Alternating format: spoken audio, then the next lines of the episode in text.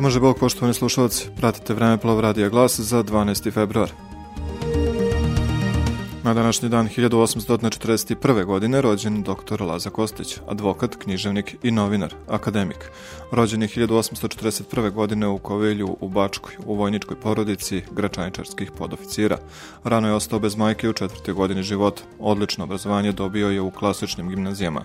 Maturirao je u Budimu 1859. godine. Nekoliko srpskih pesama napisanih po uzoru na Geteove pesme poslao je uredniku sedmice Đorđe Popoviću, daničaru koji je odbio da štampa njegove pesme i obeshrabrio ga je. Ali Laza je ostao uporan pa je nakon godinu dana 1858. godine objavio svoju prvu pesmu u sedmici.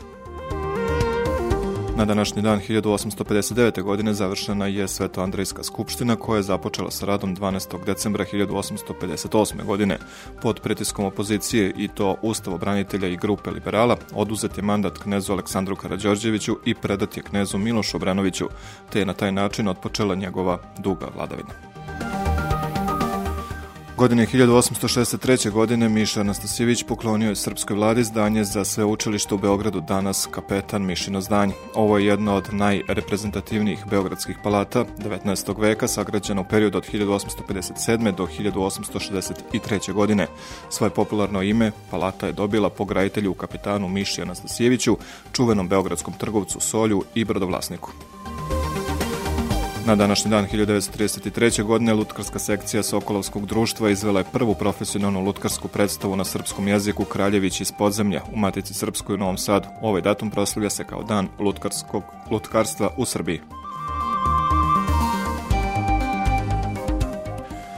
1942. godine bekstvo zatvorenika iz koncentracionog logora na Crvenom krstu u Nišu. Koncentracioni logor Niš nalazio se u magacinskoj zgradi konjičkog puka Miloš Obilić. Formiran je aprila 1941. godine za privremeni smešte ratnika zarobljenika Jugoslovenske kraljevske vojske. Od juna 1941. godine budući koncentracioni logor za protivnike Rajha ima funkciju zatvora. Prvo masovno streljanje logoraša i zatvorenika izvršeno u periodu od 16. do 20. februara 1942. godine. Godine 1961. godine pod nikad razjašnjenim okolnostima upokojio se najveći niški pesnik Branko Miljković. Bio je jedan od najpoznatijih srpskih pesnika druge polovine 20. veka, eseista i prevodilac. Branko Miljković se rodio u Nišu 29. januara 1934. godine. Branko otac Gligorije poreklom iz Gađano Hana, a majka Marija iz sela Trobunja kod Drniša u Hrvatskoj. Poštovani slušalci, pratili ste vreme Plov Radija Glas za 12. februar.